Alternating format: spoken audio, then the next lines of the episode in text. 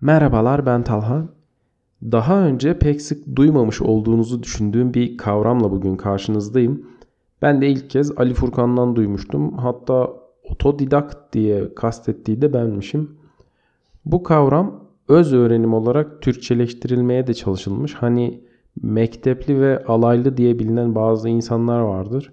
Alaylı olanlara otodidakt da diyebiliriz.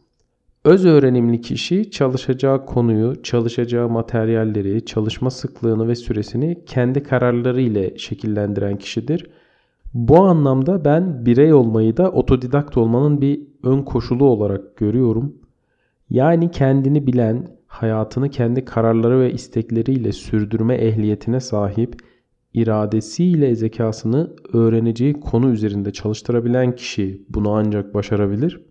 Otodidaktizmi resmi ve sistematik bir eğitim sistemi olarak uygulayan bir devlet yok bildiğim kadarıyla.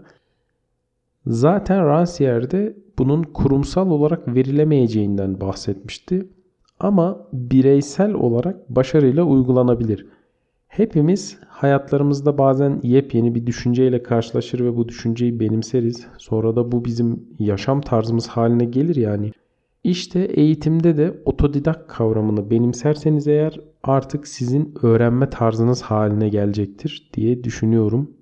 Konuyla ilgili yaptığım araştırmalarda beni gülümseten bir şey oldu. YouTube'da otodidak diye ilk arattığımda otomobillerle ilgili videolar karşıma çıktı. Otodidakta dair neredeyse hiçbir şey yoktu. İster istemez ben de şöyle bir analoji kurdum kendi kendime. Oto kelimesi mobil ile birleşince kendini hareket ettirebilen anlamına geliyor. Bunu sağlayansa içindeki yakıttan hareket üreten motora sahip olması. Otomobille istediğimiz yere gitme özgürlüğüne sahip oluyoruz. Oto kelimesi didakt ile birleştiğinde ise kendi kendine öğrenebilen anlamına geliyor. Kişinin bunu yapabilmesi de bilgileri öğrenebilen zekaya sahip olmasından kaynaklanıyor. Bu şekilde de istediğimiz her şeyi kendi kendimize öğrenme özgürlüğü kazanıyoruz. Hatırlarsanız Cahil Hoca kitabında Rancière öğrencilerin onlara bilgileri açıklayan bir hoca olmadan da Fransızcayı kendi kendilerine öğrendiklerini anlatıyordu. Dolayısıyla kitabın özünü oluşturan kavram otodidaktizm diyebiliriz. Kendi kendine öğrenebilmeyi özgürleşme olarak adlandırıyordu hocanın eğitimdeki rolünün de özgürleştirmek olduğunu, özgürleştirmeksizin eğitenin aptallaştıracağını söylüyordu. Hatta Jakatot mezarına şöyle yazdırmıştı. İman ettim Tanrı insan ruhunu kendi kendini hocasız olarak eğitmeye kadir olarak yaratmıştır. Aslında cahil hoca bir anlamda otodidakt olmayı başaran kişilere özgürleşmiş birey diyordu.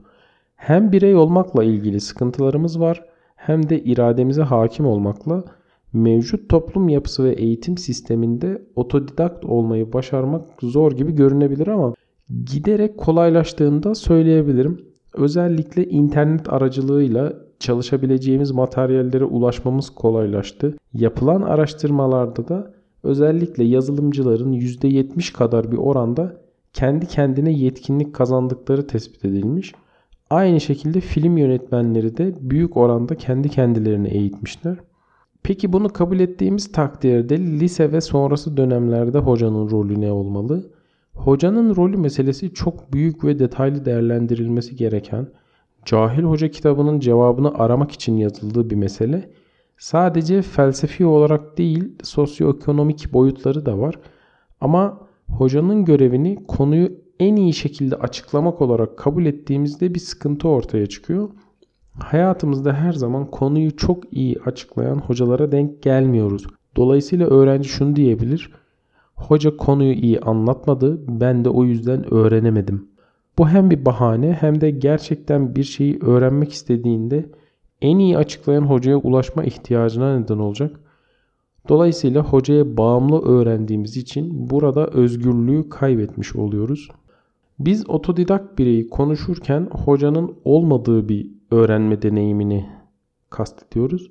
Felsefede bu tarz konuları işlerken kullanılan çok etkili bir yöntem var. Düşünce deneyleri. Düşünce deneyleri konuyla ilgili değişkenleri kontrol altında tutabileceğiniz hayalimizdeki bir laboratuvar ortamı gibi düşünce deneyleri genellikle bir problemi hedef alır. Bu problemi basitleştirerek bir çelişkiyi ilginç bir sonucu ortaya çıkarır. Bu yöntem Einstein gibi pek çok bilim adamı ve düşünür tarafından da sıklıkla kullanılmıştır. Hatta Schrödinger'in kedisi olarak bildiğimiz deney de aslen bir düşünce deneyidir. Otodidak birey ile tarihte karşılaştığımız ilk yer bir felsefi roman. Romanın ismini en son söyleyeceğim. Belki okuduğunuz romanlar arasındadır. Şimdi bahsedince hatırlayabilirsiniz. Geçenlerde bir kitapçı rafları arasında dolanırken Hasan Ali Yücel klasikleri arasında görüp aldığım bir romanda hayli uzun bir giriş yazısı vardı. 12. yüzyılda yazılan bu roman bir düşünce deneyi olarak kurgulanmış. Yazar başrol karakteri filozofus otodidaktus birey olarak kullanmış.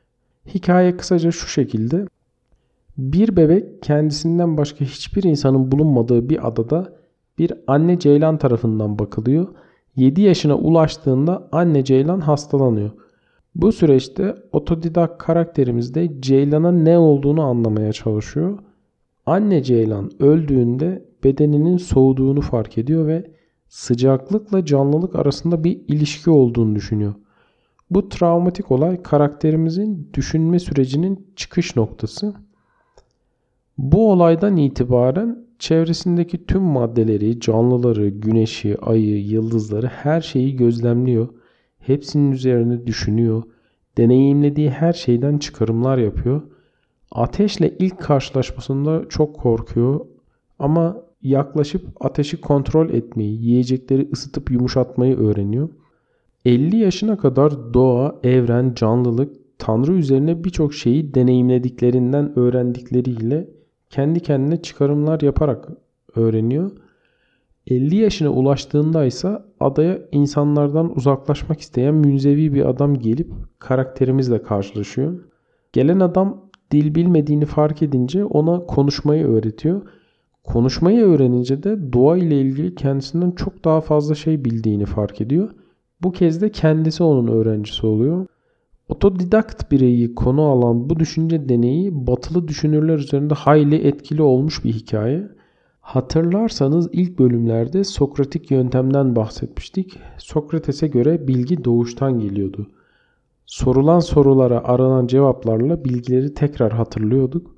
17. yüzyılda da bilginin doğuştan gelmediğini, insanın doğuşunda boş bir levha gibi olduğunu ifade etmişti John Locke deneyimlere bağlı bilgi elde ettiğimizi söylediği bu düşüncesini romanın etkisiyle geliştirdiği yine bu kitabın girişinde ifade edilmiş.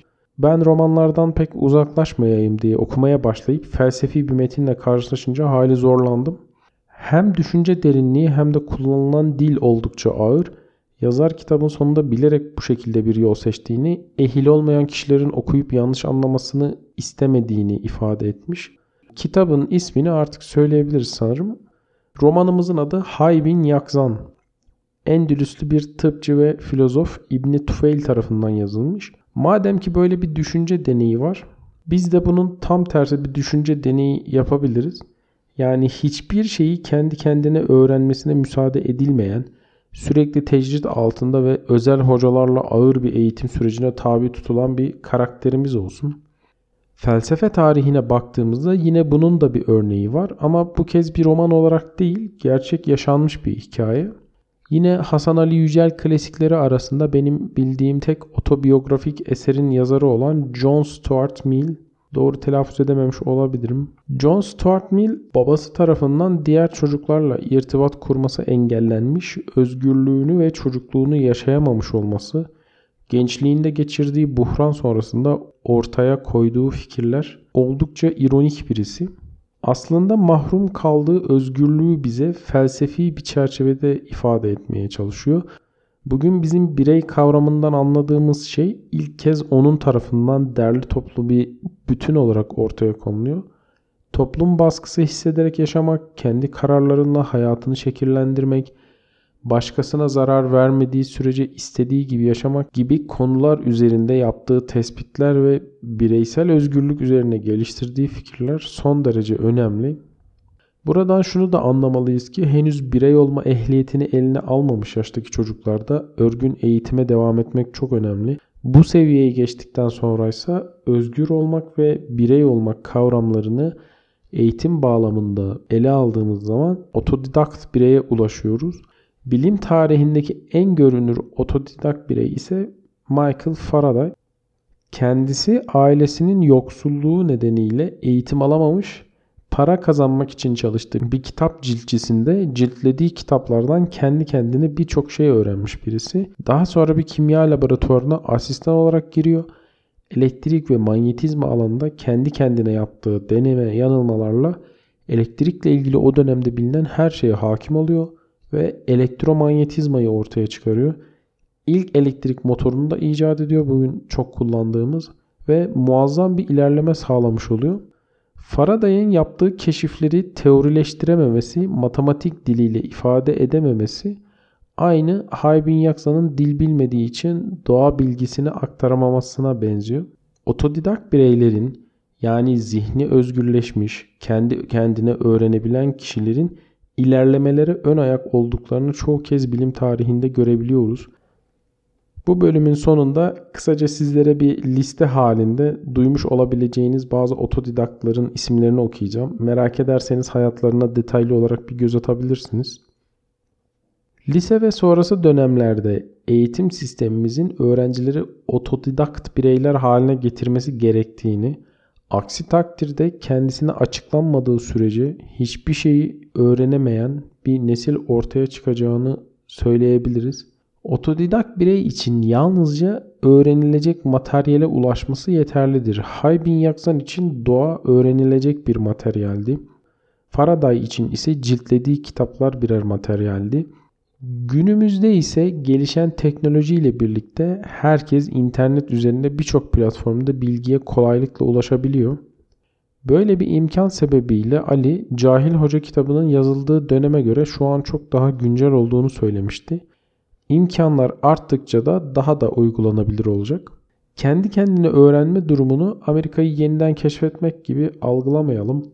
Uygun materyale ulaşmak ve onu kendi kendimizi anlayıp öğrenebilmeyi kastediyoruz. Hani insan ehliyet aldığında kendini özgürleşmiş hisseder. istediği yere kendini götürebileceği gibi istediği bilgiyi de kendisi öğrenmesi ona büyük bir zihinsel özgürlük sağlayacaktır. Buna alıştığı, bu yaklaşımı benimsediği takdirde bu bir yaşam tarzı gibi ona yerleşecek. Gitmeyi istediği yönde ilerlemesini sağlayacak. Belki peşinde toplumun da ilerlemesine ön ayak olacaktır. İki kitap ismi söyleyeceğim. Ben ikisini de okumadım ama araştırmalarımda karşıma çıktılar. Jean-Paul Sartre'ın Bulantı kitabı ve Jack London'ın Martin Eden kitabında otodidak bireyler konu edindiklerini öğrendim. İlk fırsatta ikisini de temin edip okuyacağım. Başlıca otodidak kişilerin isimlerinden ve kısaca hikayelerinden bahsedeyim. Öncelikle Jeff Hawkins. Hatırlarsanız Bin Beyin Teorisi bölümünde kendisinden bahsetmiştik. Okuduğu bir makalede beyinle ilgili yapılan birçok bilimsel çalışmaya rağmen hala nasıl çalıştığının gizeminin çözülemediğini okuyup kendini beyinle ilgili çalışmalara adamış birisiydi. Bir diğeri Leonardo da Vinci. Kendisi evlilik dışı bir çocuk olduğu için üniversite öğrenimi göremiyor. O dönemde üniversiteye girmek için böyle bir kısıtlama varmış. Bu da hayli ilginç. Bir ressam onu yanına alıyor ve atölyesinde resim yapmayı, lir çalmayı öğretiyor. İnsan figürleri çizerken anatomiye merak duyuyor. Celal Şengör kendisi için resimlerinde jeolojik katmanları bile detaylı çizdiğini söylemişti. Çok iyi bir gözlemci olmasının yanında mimari ve mekanik geliştirme ile de son derece ilgilendiği çalışmaları herkesin malumu. Michael Faraday'dan zaten bahsetmiştik. Yine bir diğeri 17. yüzyılda Wilhelm Leibniz. Leibniz'in babası bir üniversitede profesör ve Leibniz henüz küçükken vefat ediyor. Babasından miras kalan geniş kütüphane Leibniz gibi bir otodidak için oldukça zengin bir materyal Kendisi asıl öğrenimini hukuk üzerine yapsa da felsefe ve matematik alanında çok önemli eserler ortaya koymuş. Newton ile arasındaki kalkülüsü önce kim buldu tartışması meşhurdur. Ben yazdığı monodoloji kitabını okuyup hayli etkilenmiştim. İlginç bir insan gerçekten. Bir başka otodidakt ise James Watt. Sanayi devriminin öncülerinden olan James Watt, örgün eğitimin dışında üniversite atölyesinde buharlı makinenin geliştirilmesini sağlayarak verimli hale getirmiş. Sanayi devrimi biliyorsunuz insanlık tarihinin en etkili olaylarından biridir. Yine hepimizin bildiği Elon Musk 12 yaşında kendi kendine kodlamayı ve oyun geliştirmeyi öğrenip oyunlarını satarak biraz erken yaşlarda iş hayatına atılmış birisi. Zaten son halinde görüyoruz. Ünlü film yönetmenlerinin büyük çoğunluğu da eğitim almadan yönetmenliğe duyduğu ilgiyle kendi kendine geliştirmiş insanlar. Biz de bu podcast yayınını yapabilmek için Ali ile hem ses düzenlemeyi hem de yazılarımızı yayınladığımız sitemizi kurup idame etmeyi öğrendik. Bunlar bizim asıl branşlarımız değil, eğitimini de almadık. Kısaca otodidakt olmak, yapmak istediğiniz şeyler için ihtiyaç duyduğunuz bilgileri kendi kendinize öğrenme ehliyetine sahip olmak demek. Buna sahip olmak çok büyük bir ayrıcalık ve yalnızca kendi elinizde olan bir şey. Bugüne kadar hiçbir bölümde bu kavramı kullanmasak da aslında bizim eğitim düşüncemizde hedeflediğimiz öğrenci tipini tam olarak otodidakt anlatıyor. Gelişen sosyal hayat ve teknoloji ile birlikte sürekli yeni uzmanlık alanları ortaya çıkıyor. Emin Çapa TEDx konuşmalarında şöyle bir veriden bahsetmişti. Yeni doğan çocukların %68'inin yapacağı meslek henüz icat bile edilmedi. Bu nedenle sürekli yeni şeyler öğrenmek gerekiyor. Bunlar için kursa gitmek, sertifika almak büyük bir zaman kaybı ve maliyet. Bilgiye erişim kolayken bu dönemde asıl kazanılması gereken beceri öğrenmeyi öğrenmek ve bireysel çalışma disiplinini kazanmak. Otodidakt insanların hayatları bizler için bu anlamda güzel bir örnek. Otodidakt olmak aslında bir alışkanlık, bir öğrenme yöntemi, öğrenme tarzı. Belki de çocukların erken yaşta kazanması gereken ilk becerilerden birisi. Birey olduktan sonra da hayatına yön vermesinde kullanacağı en önemli araç. Bizim bu podcast kanalında inşa etmeye çalıştığımız eğitim felsefesinin özü diyebilirim. Sonraki bölümlerde görüşmek üzere, hoşçakalın.